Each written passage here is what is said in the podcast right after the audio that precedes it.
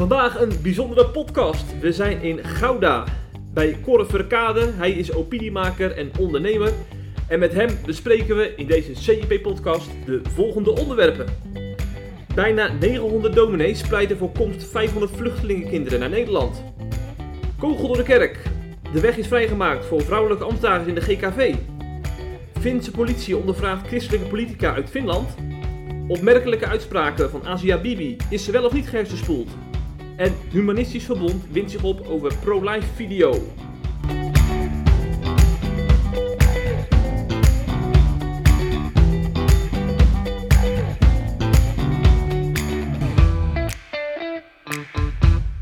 Cor, wat mooi dat we hier mogen zijn. In Hartje Gouda zijn wij. Jeffrey, hartelijk welkom. Mijn zinziens toch de mooiste stad van Nederland. Met de mooiste kerk van Nederland. Sinds kort door een van de mooiste burgemeesters van Nederland bestuurd.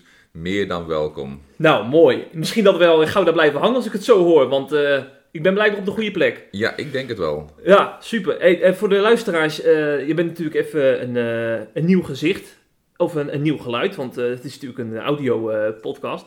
maar eh, Patrick, onze vaste redacteur, die eh, is aan het hoesten deze week. Dus die hebben we thuis gelaten. We hebben de deur op slot gedaan, dus hij kan ook er niet uit. En we hebben nu jou als vervanger. Klinkt wijs. Ja, toch? Dank. Ja, want jij hoest niet, dus... eh, Nog niet. Nee, nee. Even, ik stel voor dat we gelijk maar met onze rubriek beginnen. Dat is namelijk de ergernis van de week.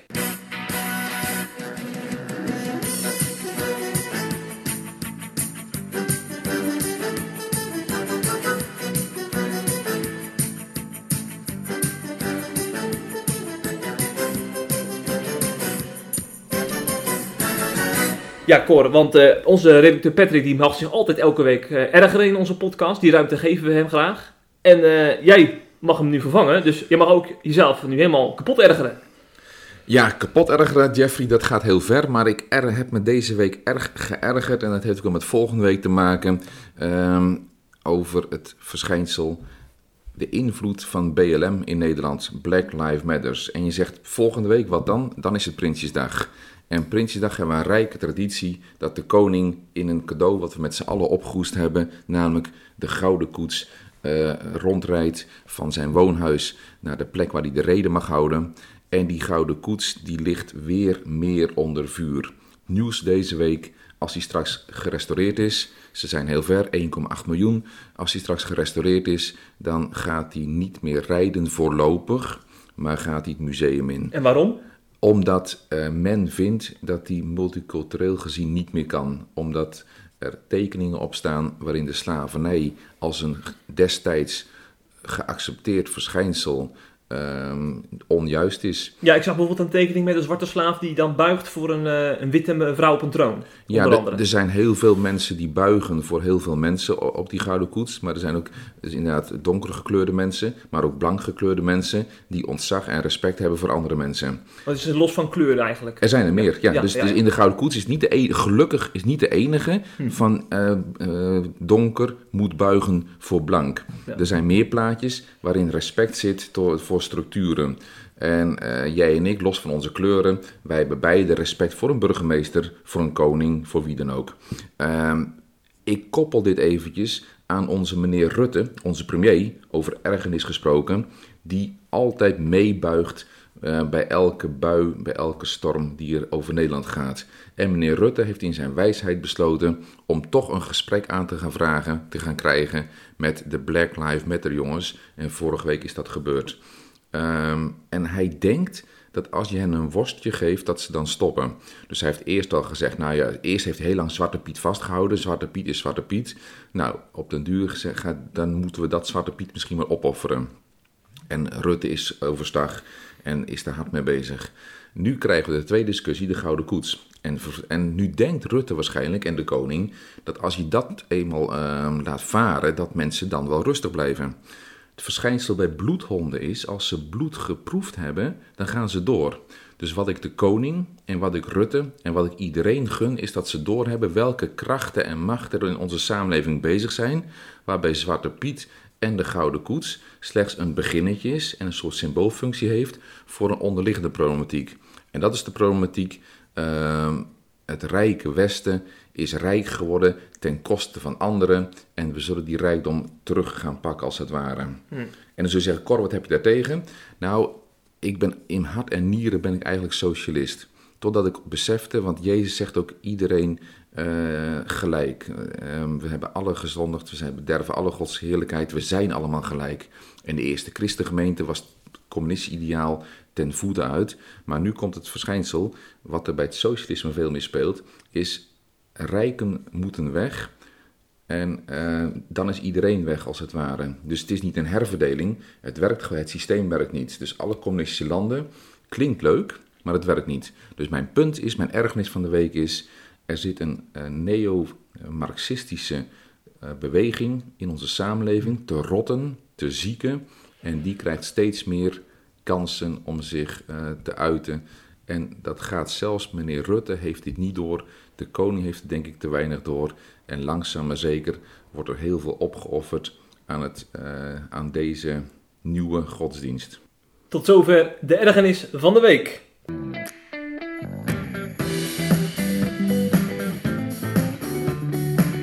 Je luistert naar de CIP-podcast met opiniemaker Cor Verkade. Zeg, we gaan het uh, hoofdnieuws bespreken, Cor. Ja. Uh, dat hoofdnieuws gaat over uh, de vluchtelingencrisis in Griekenland. je zou denken van, ja, ehm, hebben we daar niet al genoeg over gezegd in de afgelopen jaren? Want het is natuurlijk een crisis die al heel lang doorgaat, al sinds de Syrische burgeroorlog. maar nou hebben bijna 900 voorgangers een petitie geschreven hè, naar Johan Voordewind en Madeleine van Torenburg van ChristenUnie en CDA. En zij doen een oproep om 500 vluchtelingenkinderen op te vangen in eigen land. Omdat uh, ja, de situatie in Lesbos dermate ernstig is dat, uh, dat er echt ingegrepen moet worden. Uh, nou hebben we natuurlijk ook allemaal, we maken deze podcast trouwens op donderdag, is het nu hè. We hebben natuurlijk ook allemaal het laatste nieuws gehoord dat er een megabrand gaande is in kamp Moria. Een kamp met 13.000 vluchtelingen, waar maar plek is voor 300 vluchtelingen. En, en nu allemaal dakloos vanwege die brand, die waarschijnlijk is aangestoken door migranten. Uh, kortom, dit is echt een item uh, waar heel Europa momenteel mee bezig is. En de ChristenUnie lichten wij natuurlijk even uit, want dat is natuurlijk voor onze achterban als CIP natuurlijk ook heel belangrijk, hoe zij hiermee omgaan. Uh, de ChristenUnie zou het liefst natuurlijk die 500 vluchtelingenkinderen opvangen, maar zit natuurlijk in een, een regering met VVD en CDA die daar toch anders tegen aankijken. Ondanks is er een motie ook afgekeurd hè, om die 500 vluchtelingen naar Nederland te halen. Daar zijn die 900 dominees dus niet blij mee. Dus die hebben een petitie opgetekend. En ik citeer even uit een petitie. Uh, welke garanties of andere zekerheden hebt u dat het Nederlandse plan van de grond komt en kinderen daadwerkelijk en snel in een acute nood worden geholpen en onderkomen, onderwijs en voogdij ontvangen? Ze verwijzen dus naar een plan dat zij op het vasteland in Griekenland worden opgevangen. Hè, dat uh, daar met Nederland dus aan, aan bijdraagt financieel. En ze vinden dat dat allemaal te lang duurt. Nou las ik bij de NOS vorige week dat Ankie Broekers-Knol, onze staatssecretaris van Asielzaken, uh, heeft bevestigd dat de eerste vluchtelingenkinderen eind september terecht kunnen in een door Nederland gefinancierde opvanglocatie op het Griekse vasteland. Dus er is wel beweging gaande, maar die dominees die willen dus meer actie. En wat hem betreft uh, uh, kunnen er niet meer genoeg, kunnen, zouden er meer kinderen ook naar Nederland gehaald moeten worden dan er ook daadwerkelijk gebeurt. Uh, ik stel voor om nu even een nieuwsfragment te horen. Dat, dan worden we even bijgepraat door een verslaggever over het laatste nieuws uit kamp Moria. Op het Griekse eiland Lesbos zijn 13.000 migranten dakloos geworden na de verwoestende brand in het opvangkamp Moria. De Griekse regering denkt dat sommige migranten de branden zelf hebben aangestoken. Toestand in het kamp was al langere tijd onhoudbaar omdat het er overvol was. En sinds vorige week waren er ook nog enkele tientallen mensen besmet met corona. De migranten hebben de nacht in de open lucht moeten doorbrengen. Jij hebt natuurlijk ook de berichtgeving gevolgd, uh, Cor, de Zeker. afgelopen dagen. Zeker. En uh, huilt jouw hart dan als jij al die beelden ziet? Ik vind het dramatisch hoe deze vluchtelingen en die vluchtelingen en kinderen slachtoffer zijn van, uh, van een mislukt systeem. Wat aan alle kanten mislukt is. Eerst de mensenhandelaren die op een gruwelijke manier verdienen aan het leed van anderen. Vervolgens wijzen die mensenhandelaren op bootjes en op stoelen in die bootjes of zitplaatsen of staanplaatsen en ga maar naar die en die schepen toe. Want daar uh, kun je je heil gaan halen. Nou, mm. En dan gaan wij uh, om ons geweten te sussen, daar met boten varen om die mensen zogenaamd te helpen. Je helpt vooral de mensenhandelaren die er gruwelijk geld aan verdienen. En vervolgens worden ze neergezet op plekken waar ze niet thuis voelen, waar ze niet horen, waar ze niet gelukkig worden. Mensonterend, schrijnend, dramatisch. Maar wat moet er nu gebeuren? Hè? Want uh, die dominees doen een oproep aan voor de wind om actie te ondernemen. Want je, kunt er niet van wegkijken, ook van een christelijke naastenliefde. Hebben, ze, hebben die dominees daar een punt dat er nu echt wat moet gebeuren? Nou, het is geweldig dat 900 dominees is gewoon gaan nadenken over politiek en een, politiek statement maken. Vind ik fantastisch. En alleen het idiote, of het vreemde is dat ze dat naar twee partijen doen, naar het CDA en de ChristenUnie. Als de 900 dominees wat gaan zeggen, dan moeten ze zich tot de overheid wenden en tot alle overheidsorganen. Dus het lijkt er nu op dat ze niet zozeer een mening hebben op grond van Gods woord en het getuigenis van de Heilige Geest. Maar het lijkt erop dat ze willen stoken en drammen in twee partijen. Vind ik niet verstandig. Ik had gezegd, als je als dominee iets te melden hebt dan wend je tot alle overheidsorganen die je tegenkomt. En als je toch met z'n 900 een, pamflet gemaakt hebt, nou of hem nou uh, drie keer kopieert naar drie partijen, of dat je hem uh, 80 keer kopieert. Dus ik begrijp die donors niet hun beweging. Um, als zo... gewoon korte lijntjes met CU en CDA, zo kun je natuurlijk ook zien. Hè? Ja, maar als ik iets te melden heb als dominee, dat ben ik niet, maar dan zeg ik alzo spreekt des heren woord en de ja. richting tot de, alle organen die dat moeten horen en niet tot twee bevriende politieke dingetjes. Dus ik vind het geen krachtig getuigenis van dit zegt de Heere God. Ik vind het nu meer een politiek statementje naar twee partijen, maar ze bedoelen het goed. In de tweede plaats, um, ik heb respect voor die dominees en die broeders, bijvoorbeeld Joel Voordewind, um, die zelf thuis een kindje opnemen ze zijn met z'n 900.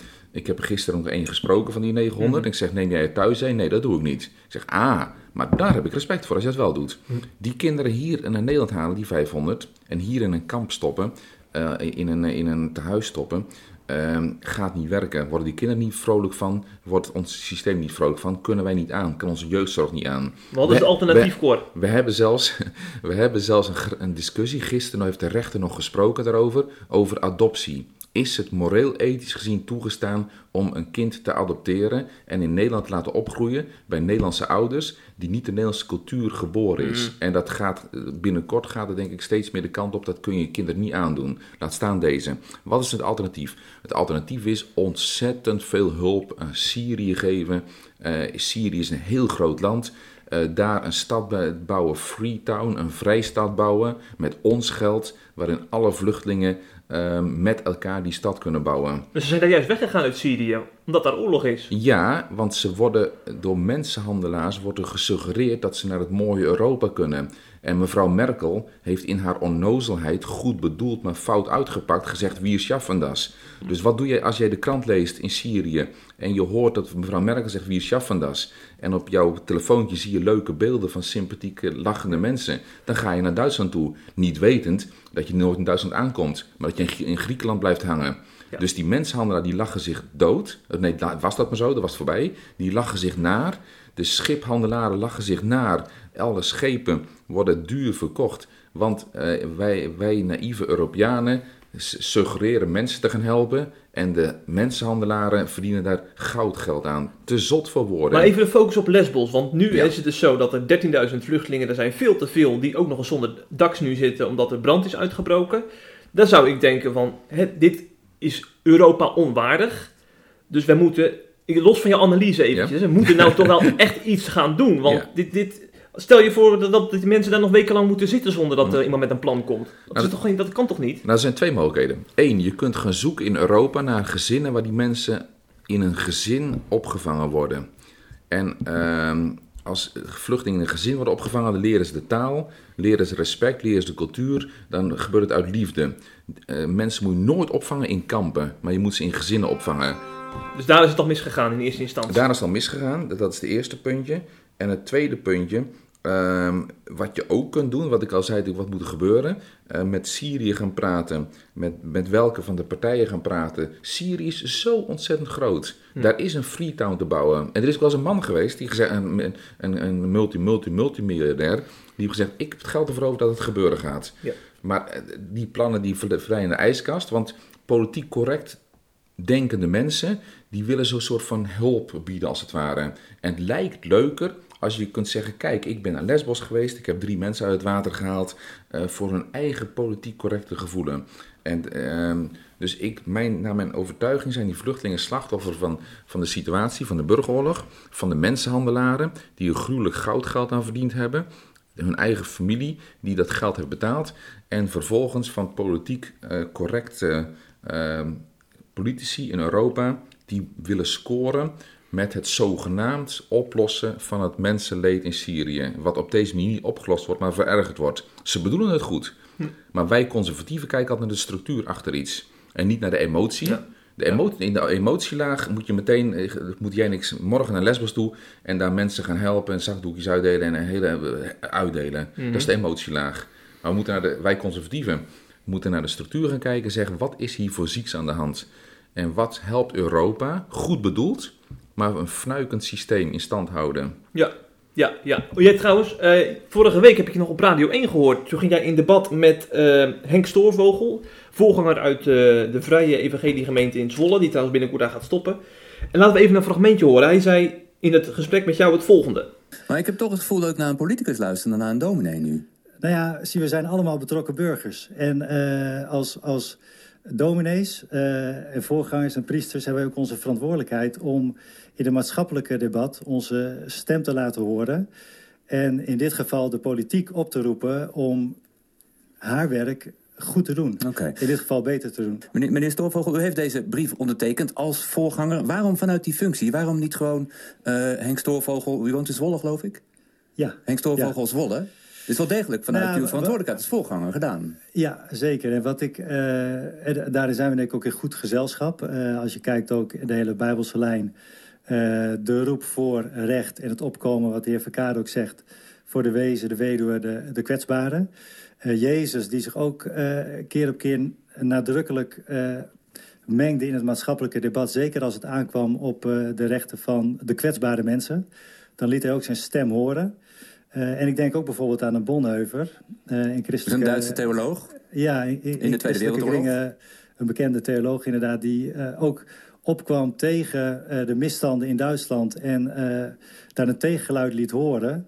waar ook heel veel andere uh, voorgangers zich stilhielden... dat toch de bekennende Kirche, die, die opkwam voor mensen in nood... en tegen het nazisme... dat de, zowel de kerkgeschiedenis als ook de Bijbel zelf ons laat zien... dat van tijd tot tijd is het wel degelijk belangrijk... dat je ook als geestelijke leiders je stem laat horen. Zeg, je hebt het net gehad, uh, Cor, over politiek correctheid. Wat ik ook wel, wel, begrijp en ook voor een deel wel in mee kan komen. Maar toch, ik vind dat Henk Stoffel ook, ook wel een punt heeft. Want ik, hier spreekt echt iemand vanuit naaste liefde en vanuit een soort van roeping van... nu wil ik mij als voorganger hier, hier, voor, hier tegen verzetten, tegen wat er gebeurt in, uh, in uh, Lesbos. En uh, wat, is, wat, wat is er al tegen als christen, zou ik zeggen? Nou, de politiek had hij echt de politiek moeten doen. Niet twee partijen, maar de politiek. Dus hij zegt zelf gelukkig. Hij wijst zelf aan wat hij fout gedaan heeft. Dus dat is mooi, wat dat betreft. Um, en Jezus en Bonheuver, geweldig. Citeer ze alsjeblieft veel, maar citeer ze goed en kijk wat ze echt. Bonheuver op den duur, zegt Bonheuver. Uh, het was ik een worsteling van wanneer ga ik me verzetten tegen de overheid. Ja. Um, en ik vind het eerlijk gezegd um, een beetje onjuist om de CDA-politici die niet met, minister, met dominee Stoorvogel eens zijn en met zijn uh, groep dominees, om die als het ware weg te zetten à la uh, Hitler en dat ik dan een Bonheuver zou zijn die vecht tegen Hitler. Met alle respect voor, voor die dominees. Het CDA is heel integer bezig. Elk CDA-kamerlid is gedrongen integer bezig. En uh, dus eigenlijk vind ik het heel fout om dan met Bonheuver te gaan zwaaien. Die op den duur bij het doodmaken, stelselmatig structureel doodmaken van het Joodse volk. Zegt, ho, dit moeten wij als kerken niet accepteren. Ja, maar het ja. gaat, gaat, ook om de houding. Hè? Kijk, de, volgens, volgens Doorvogel leven we in een klimaat waarbij mensen toch ook je hebt ook een hele stille uh, meerderheid die gewoon bijvoorbeeld ook, laten we eerlijk zijn, er zijn ook mensen die wegkijken van Lesbos. Die zijn er. En, en zegt, dat moeten we niet doen. Uh, te, juist tegen dat klimaat in komen wij nu in actie. En als een soort bonheuvel verheffen we onze stem. Ja. Die houding is toch wel te prijzen? Het is mooi dat hij probeert vanuit zijn geloof iets goeds te doen. Of dat echt goed gaat worden is een spannende vraag. Maar ik respecteer de man als broeder in, de, in, in onze Heer Jezus Christus. Ik respecteer de houding. Maar ik denk, joh, kijk alsjeblieft iets dieper en iets verder. Nog even naar de Heer Jezus toe. De Heer Jezus hielp arme mensen. De Heer Jezus uh, heeft aangegeven dat zalig zijn de armen, de bergreden. Hij heeft geen politiek manifest gemaakt. Hij is niet naar, de, naar, de, naar Pontius Plaats gegaan of, of naar, naar, naar Herodes en gezegd, joh, je moet dit en dan dat doen. Doet hij helemaal niet. Sterker nog, het omgekeerde ongeveer. Dus de houding van Jezus, lief zijn voor arme mensen en hen het koninkrijk der hemelen aanwijzen en zeggen, het koninkrijk der hemelen wordt alles omgedraaid. Uh, wie rijk is, wordt arm. Wie arm is, wordt rijk. De lofzang van Maria, ga zo maar door. Maar om nou te gaan suggereren dat de Heer Jezus uh, naar de leidende politici toe ging, dan snap je volgens mij niet uh, de taak van de Heer Jezus en wat hij gedaan heeft. En dat bedoel ik dus heel, uh, bedoel, met alle respect aan die ja. dominees en uiteraard naar mijn Heer en Heiland. Maar, en natuurlijk, wij christenen hebben een politieke drive, een politieke visie, maar pas op met te snel te suggereren dat Jezus en jij dezelfde drive en dezelfde visie hebben. Ik vind het al eng als je als politieke partij de naam van Jezus in je, in je partijnaam draagt heb je een suggestie van de Heer Jezus en ik vinden hetzelfde. En je moet de Heer Jezus naam ook niet ijdel gebruiken. Nog heel even over Jezus politieke manifest. Jezus en slavernij. Ik ga naar mijn ergernis terug van de week. Jezus en slavernij, wat doet hij? Hij heeft niet afgeschaft. Geneest. Hij geneest de slaven. En hij zegt tegen de slavenhouder van, u hebt het geweldig goed gedaan. U bent goed, ik heb nog nooit zo'n groot geloof gezien. En die slavenhouder is naar huis gegaan. En die heeft nog heel lang van, zijn, van de slavenpraktijken kunnen, kunnen genieten van die zoon. Wil ik zeggen dat Jezus voor slavernij was? Jezus was voor elk mens zijn plek geven, zijn eer geven, zijn respect geven. Maar draaide Jezus alles om, wat, wat de neo-Marxisten zeggen? Jezus wordt als de grote politieke revolutionair aangeduid? Ja, totaal niet. Alleen, hij zegt de bergreden in het koninkrijk der hemelen, in het koninkrijk van mijn vader en van mij, daar gaat het heel anders. Nou, geweldig. Ja. het koninkrijk der hemelen zal het heel anders gaan. Maar uh, wee hem, aantjes, met, goed, met respect, Aantjes uh, die dacht dat de bergreden een politiek manifest was. Een politiek is dat je als CDA uh, eh, met de bergreden een politiek programma moest gaan schrijven. Veel respect voor mijn Aantjes. Veel respect voor het CDA. Meer respect voor Jezus en de bergreden. Maar daar kun je geen politiek manifest uithalen. Sterker nog, want ik zie jou nog twijfelen.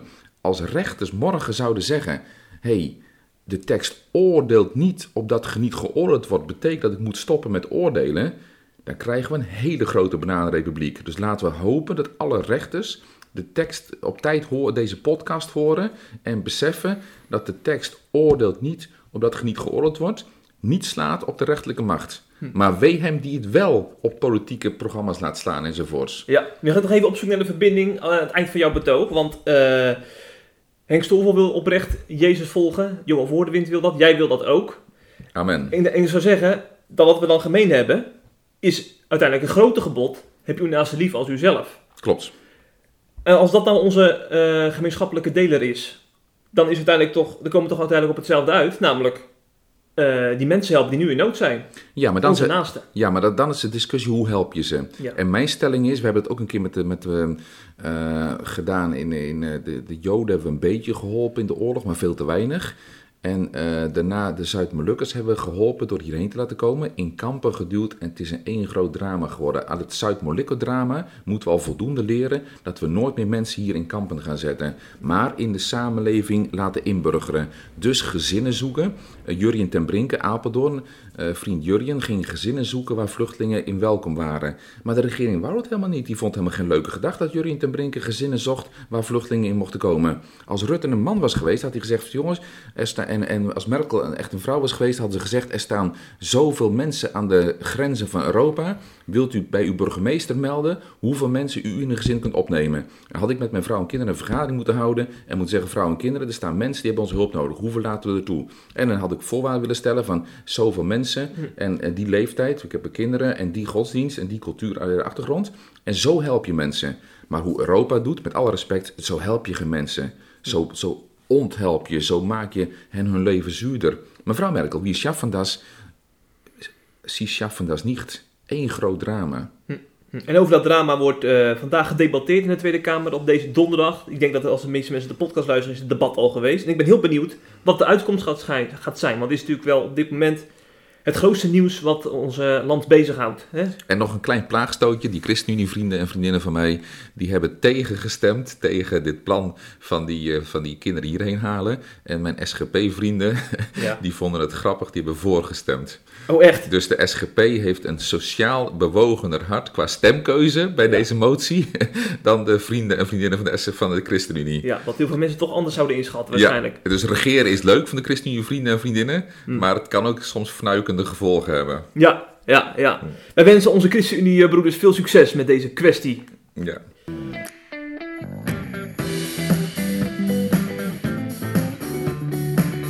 Je luistert naar de CIP-podcast met opiniemaker Cor Verkade. We gaan naar uh, ons kerkelijk landschap, want uh, op wereldschaal zijn we dan bezig met wel of niet vluchtelingen opvangen. In de gereformeerde kerken vrijgemaakt zijn ze bezig met wel of niet vrouwen toelaten op de kansels. Uh, in 2017 is de kogel door de kerk gegaan, Cor. Toen is afgesproken dat vrouwen als diaken, ouderling en predikant mogen dienen in de GKV. Uh, onlangs, vorige week, is er weer een synode geweest. Want er zijn 23 bezwaarschriften ingediend door mensen die nog wat vragen hadden binnen die kerk uh, over dat besluit. En uh, aan aanleiding van die synode is er definitief een kogel door de kerk gegaan. Want unaniem hebben die synodeleden eerdere besluiten gehandhaafd. Dus dat betekent dat de bezwaar, bezwaarschriften, die zijn wel gehoord, maar die zijn uiteindelijk niet toegepast. Dus ze houden zich bij het huidige beleid.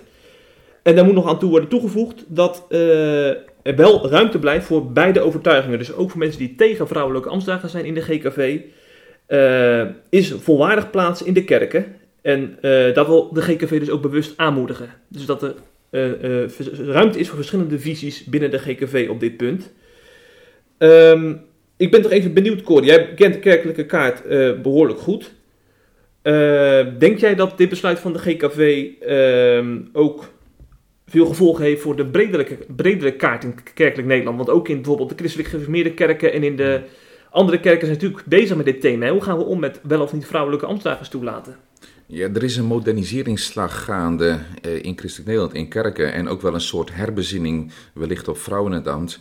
En uh, ik zit er zelf een beetje... De, ik gun de in de kerken vrijgemaakt dat ze niet op drift raken.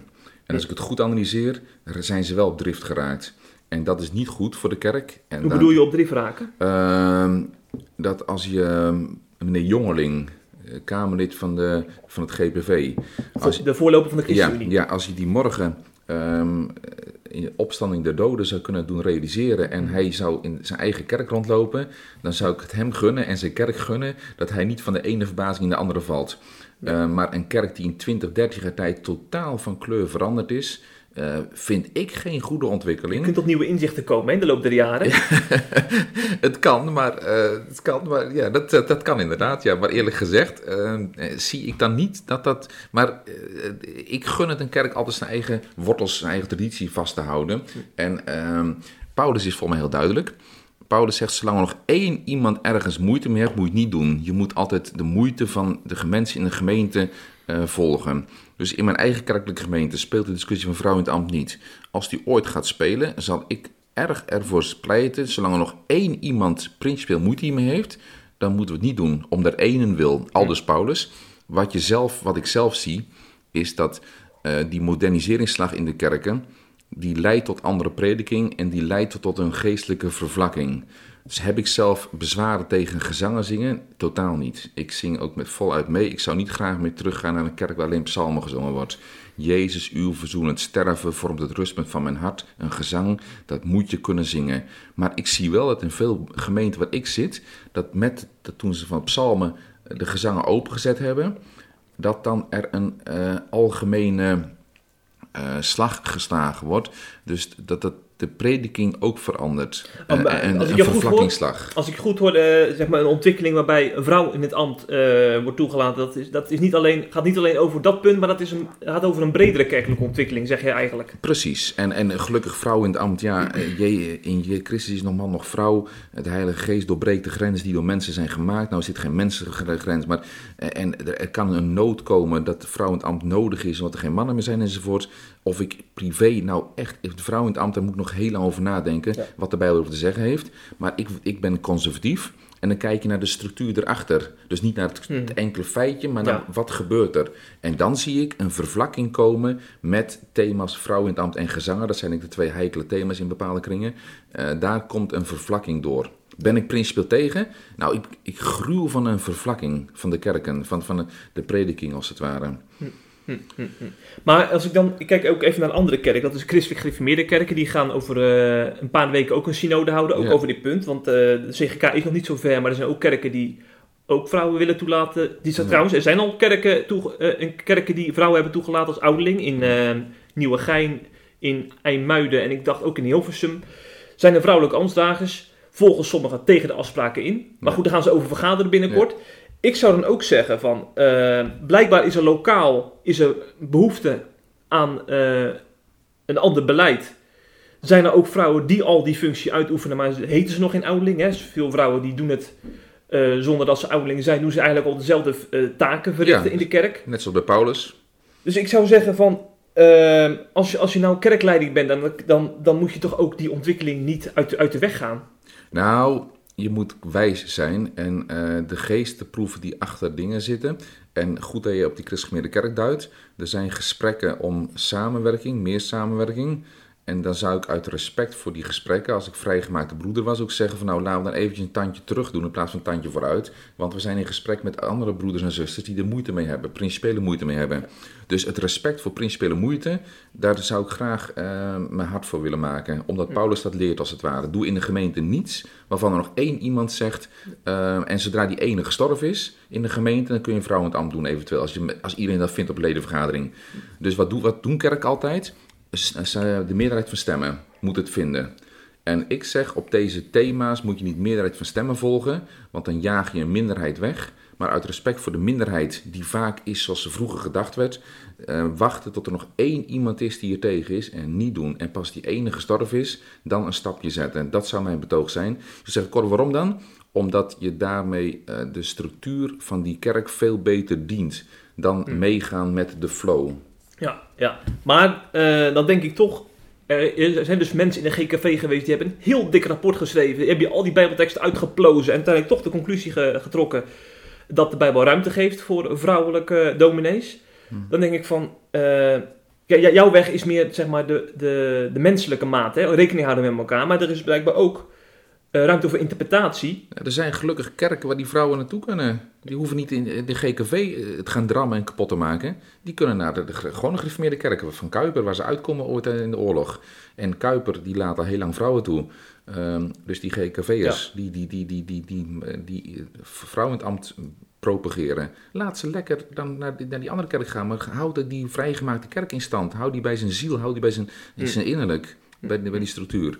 Ik vind het sneu voor mijn vrijgemaakte broeders en zusters die hier om uh, hartepijn hebben. Hm, hm. En dan zul je zeggen, kort, maar het zijn anders hebben hartepijn die geen vrouw in het ambt kunnen worden. Ja, die kunnen een andere kerk toe gaan. Maar die GPV, die echte vrijgemaakte, kan niet een andere kerk vinden, want die is er niet meer. Want zijn kerk wordt innerlijk uh, leeg gehaald. Ja, ja, ja. Nou, we gaan kijken hoe de bezwaarden hierop gaan, uh, gaan reageren. En... Mm ik moet eerlijk zeggen, het valt me nog mee hoor. Want ik dacht toen de GKV, de vrouw in het ambt, uh, zeg maar, uh, de, toen de kogel door de kerk ging, dacht ik nog van, nou zou er nou een opstand uitbreken. Mhm. Maar als je het in absolute aantallen ziet, dat valt echt relatief mee. Dus het lijkt me toch dat ze lijkt me toch, het goed hebben aangevoeld. Of innerlijk uitgehold of wat dan ook. Ja. ja. Maar, maar Paulus is zo duidelijk, maar ik hoor bijna niemand hem citeren op dit punt. Paulus zegt, uh, het meest bezwaarde geweten mhm. volgen. En die vrouw die zo graag vrouw in het ambt wil hebben, die is niet bezwaard, die is verdrietig, die baalt. Ze mag niet wat ze wil. Maar die ene uh, oudere mensen, die zijn bezwaard. Ja. ja. Proef je Paulus, proef je het verschil? Mm -hmm. Ja, dat is natuurlijk de geest van Paulus, hè? rekening houden met. Ja, de, Toch, daar, daar doe je op. De bezwaren, ja, daar doe ik op. Ja. Laten we naar uh, Scandinavië gaan. Uh, want uh, in Finland is er toch wel wat nodig aan de hand. Wat eigenlijk niet echt het nieuws haalt, valt mij op. Want het is al jaren gaande. We hebben hier een Finse politica genaamd Päivi Räsänen. Ik vind het altijd zo'n moeilijke naam, die Scandinavië. Die hebben ook allemaal puntjes op de, op de, op de letters, weet je wel. Dus, uh, maar goed, deze mevrouw die, uh, is vorig jaar in de problemen gekomen vanwege haar opvatting over seksualiteit en gezin. Ze is namelijk een conservatieve opvatting uh, over homoseksualiteit. Daar heeft ze wat over gezegd. En toen is er zelfs de, een politieverhoor geweest naar haar. Ehm, dat alles begon met een gay pride in 2019, waar ze zich ook tegen verzette vanuit haar conservatieve uh, gedachtegoed dus.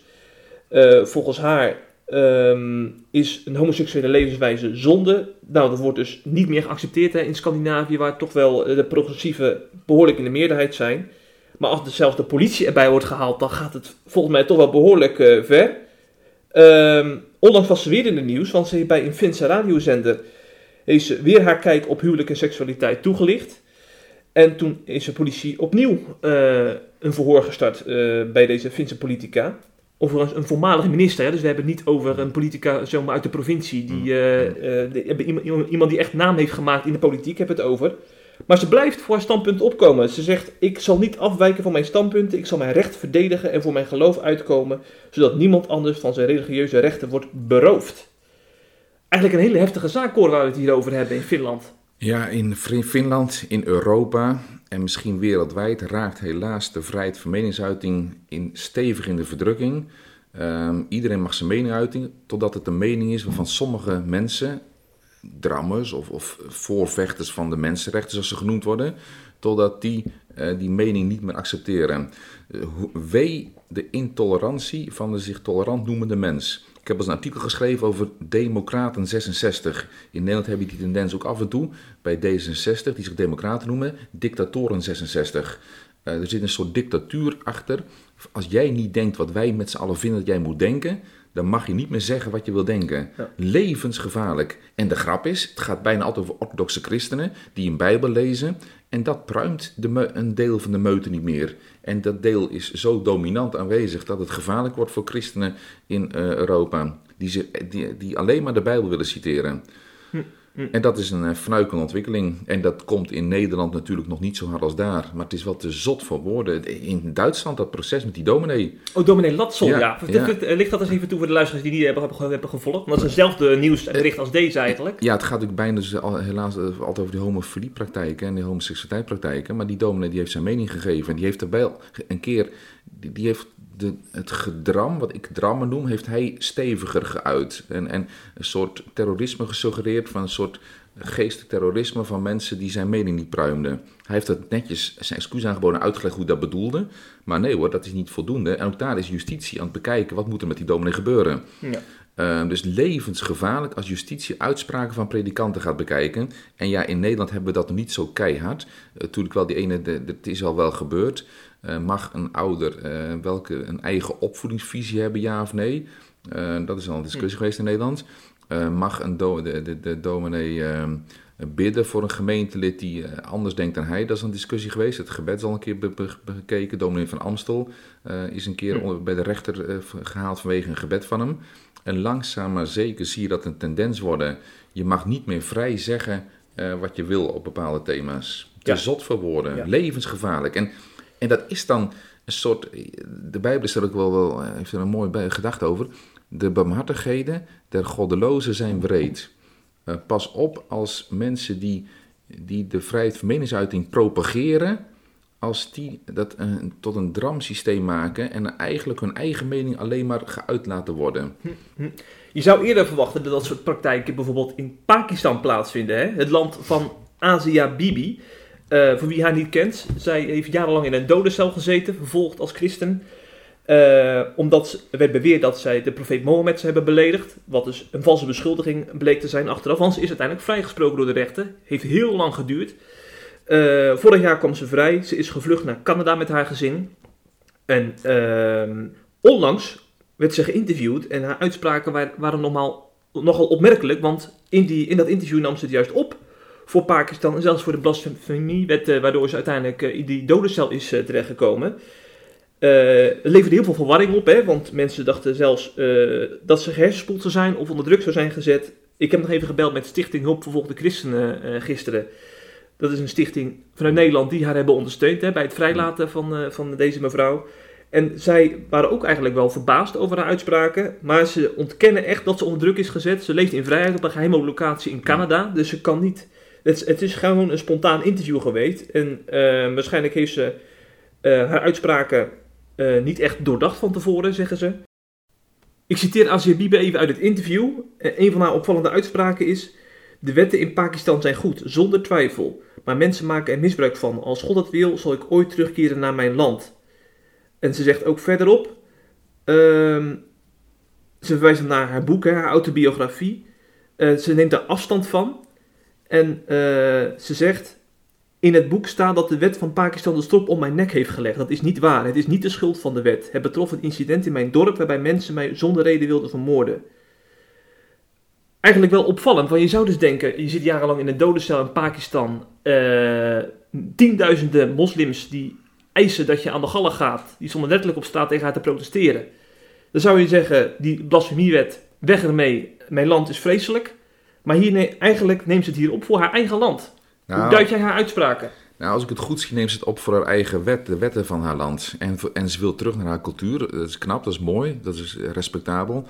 Um, maar wat zij volgens mij terecht zegt is: met een goede wet hebben ze gekke dingen gedaan. Ja. Um, dus de wet is oké, je mag niemand beledigen.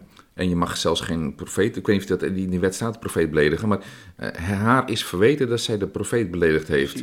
Zij heeft gezegd. hè? Ja, zij heeft gezegd uh, dat ze, de profeet heeft net als Jezus geleerd uh, dat je je vijanden lief moet hebben. En dat zinnetje, daar is zij op gepakt. En zij vindt terecht dat met dat zinnetje je niet in strijd bent met de Pakistaanse wetgeving. En dat vind ik mooi van haar. Zij vecht daarvoor. En dat is het enge een klein beetje. Ehm, dat je dus met goede wetgeving hele enge processen kunt krijgen als die wetten verkeerd uitgelegd worden. En eigenlijk legt zij daarmee uit, uh, maar ik wil niet haar laten buikspreken naar mij toe, maar van pas op met bepaalde vrijheden op een gekke manier uitleggen, waardoor die vrijheid juist een onvrijheid wordt. Mhm. Dus wat ik eerder zei, hoed u voor de tolerantie, de zogenaamde tolerantie, die eigenlijk intolerantie is van de zich tolerant noemende mens. Dus er zijn heel veel mensen die zeggen: alle, eh, wij zijn tolerant. En ga eens goed opletten hoe intolerant ze eigenlijk zijn. En ik denk dat uh, Azië daarvoor waarschuwt. Ja, maar uh, haar, haar, woorden zijn nogal zeg maar, ehm, opgevat als een soort van liefde voor de Pakistanse wetgeving. Hè? Want heel veel mensenrechtenorganisaties hebben dit opgevat als een mes in de rug, omdat zij onvoldoende afstand zou nemen van die, van die wetgeving. Ja, maar mensen kunnen, kunnen niet meer genuanceerd spreken. Wij christenen spreken altijd met twee woorden. Enerzijds, anderzijds. En dat zouden we iedereen moeten leren. Uh, maar als christen zit het in je genen. Maar, dus er is een enerzijds en een anderzijds. En, en gelukkig dat zij dat door heeft, Bibi. De, de wet is goed, maar de uitleg is fout. Fantastisch, wat lekker genuanceerd. Hm. Maar als je heel genuanceerd bent, dan kunnen mensen dat niet meer aan tegenwoordig. Hm. Want je moet alleen maar uh, voeteren en, en, enzovoorts. Dus uit mijn mond een pleidooi voor met twee woorden spreken en genuanceerd zijn. Maar wel eerlijk genuanceerd. Hm, en dat mist Azië en dat mis ik zo regelmatig in het publieke debat. Maar nu is het te genuanceerd voor bepaalde organisaties die dan de afstand gaan nemen van mensen. Ja, die willen eigenlijk dat ze hun eigen land best. Wat voor een zieke cultuur leven we in? Wat is de tijd dat Rebbe Jezus met het Messiaans Koninkrijk baan breekt? Hm. Want het wordt steeds doller en dwazer hier op aarde. Hm, hm, hm. Over dol en dwaas gesproken, het Humanistisch Verbond is boos. Uh, binnenkort in november is de Week van het Leven. Uh, een week die elke, elk jaar terugkeert. Wordt georganiseerd door verschillende christelijke partijen. Door RMU onder andere, door de MPV. En ook de christelijke partijen SGP en CU ondersteunen dat ook. Uh, en dan klinkt er altijd een reclamespotje op de radio. En dat klinkt dan als volgt. Tijdens de Week van het Leven willen we aandacht vragen voor vrouwen die onbedoeld zwanger zijn en hun ongeboren kindje. Maak de campagne mogelijk met een gift op weekvanhetleven.nl. Nou, dit spotje uh, schoot bij Humanistisch Verbond in het verkeerde keelgat. Ze vinden dat uh, de organisatoren van de Week van het Leven zich onvoldoende uitspreken tegen abortus. En daardoor uh, het spotje misleidend is in hun ogen. Ehm, begrijp je eigenlijk überhaupt de kritiek van Humanistisch Verbond? Zou dat spotje duidelijker moeten zijn, uh, Cor? Nou, wat ik vind is dat Humanistisch Verbond zo snel mogelijk een spotje moet maken, erachteraan gooien van abortus is moord. Uh, als ze dat bedoelen. Als ze zeggen dit is misleidend, dit is te zacht of zo, dit is jullie, jullie, uh, dan moeten zij een stevige spotje maken. En dan moeten ze gewoon eerlijk gaan zeggen, met abortus worden mensen doodgemaakt die helemaal mens zijn, die tot de week, 24e week, waarin ze levensvatbaar zijn, worden ze doodgemaakt. In het ziekenhuis wordt op de, ene, eh, op de ene afdeling gevochten voor een kind van 24 weken die, om die in het leven te houden, want die ouders willen dat.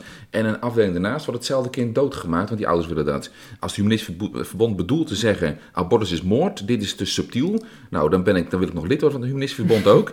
en wil ik die, die actie sponsoren. En jij wil een algemenere duiding. Nou ja, helaas, helaas kom ik weer terug op, op die andere bijbeltekst. Uh, en die wordt te weinig bepreekt in onze kringen en misschien in jouw gemeente ook wel. We moeten meer gaan preken en meer gaan nadenken vanuit de tekst.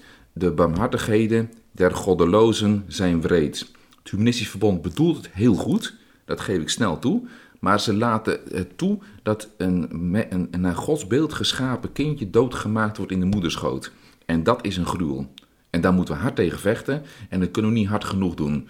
Um, en ik denk dat, dat, dat, dat die, en die uh, sfeer, die uh, satanische sfeer van doodmaken van naar godsbeeld gemaakte mensen, uh, als je daar de vinger bij legt, dan worden mensen heel boos. Psalm 2. Wat drift beheerst het woedend heidendom.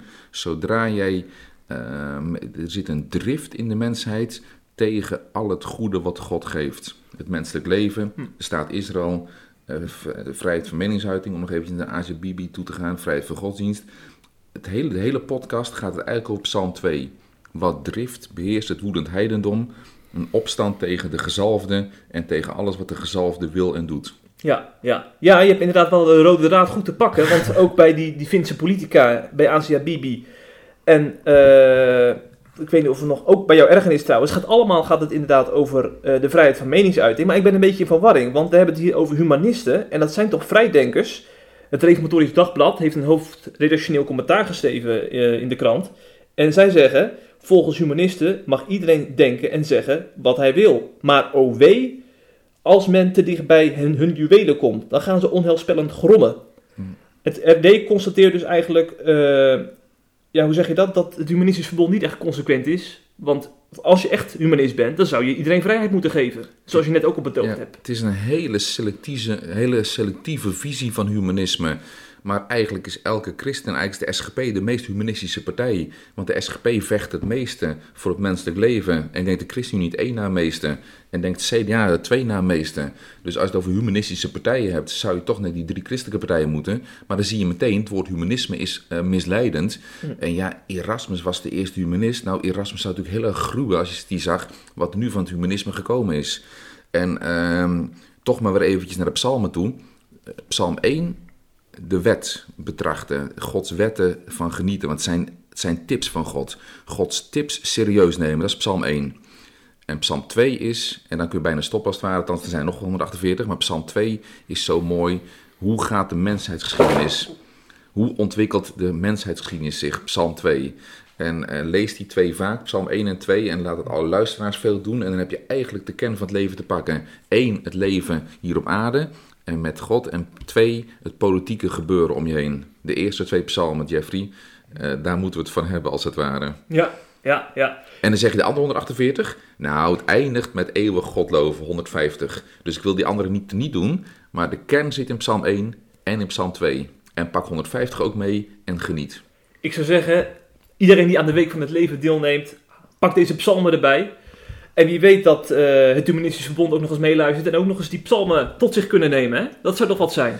De kern is in die psalmen te vinden. Ja, ja, precies. En dan kan het, ik, dat merk ik ook wel aan mezelf, soms word ik verdrietig van alle items die weer langskomen. En wij zitten in een minderheid, wij orthodoxe christenen, die langzaam zeker in Europa uh, dichtgaat. Maar we weten, het Messiaans vrederijk komt. En de kandelaar gaat hier langzaam maar zeker weg. Het vrije West-Europa met de joods-christelijke cultuur wordt langzaam maar zeker donkerder en donkerder. Maar gelukkig gaat God met, met zijn kandelaar weer naar andere werelddelen. Dus ehm, eerlijk gezegd ben ik een zeer, kunnen we deze podcast, als we aan het einde toe zouden zijn, zeer optimistisch eindigen. Uh, in Europa wordt het donkerder. Als er duisternis komt, is God met zijn geest altijd aanwezig om licht te geven aan mensen. De geloofsvervolging die komt, die zal altijd ertoe leiden dat er een heftiger geloofservaring komt. Dus ook dat heeft een positieve kant. Het Messiaans vrederijk komt en de kandelaar gaat wereldwijd door. En Europa heeft het twee eeuwen gehad, uh, sorry, twintig eeuwen gehad.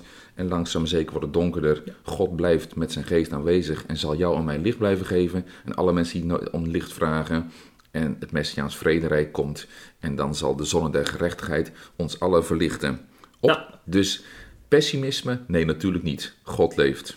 Als je dan toch optimistisch afsluit. Ik las van de week, uh, hadden ook op CEP gezet, dat er in Thailand was er een massale doopdienst van 1400 mensen. En daar zijn dus zendelingen actief, ook uit Nederland. En uh, Martin Visser is daar ook uh, actief geweest. Die al 15 jaar heeft hij gebeden dat er verandering zou komen in dat land. Hè? En nou is hij daar weg, zijn er opvolgers aan het werk en komen de mensen massaal tot geloof daar in Thailand. 1400 mensen bij één doopdienst. Ja, ja, dat is, ja. kun je je niet voorstellen in Gouda hier. Nee, precies. Martin Visser is natuurlijk gelukkig. die, die heeft een mooi werk gedaan. En die is hier de cultuur aan het aanwijzen die fout gaat. En is daar aan het zegenen met zijn uh, zendingsactiviteiten. Geweldig mooi. Weg van het, de, de, week van het leven gesproken. Uh, Jezus, ik ben de weg, de waarheid en het leven. En dat, dat baant zich een, een weg in de wereldgeschiedenis. En dan nu in Thailand. Prijs de Heer de galmen. Bedankt voor je bijdrage aan de podcast, Cor. En alle luisteraars. Tot de volgende keer. Veel zegen.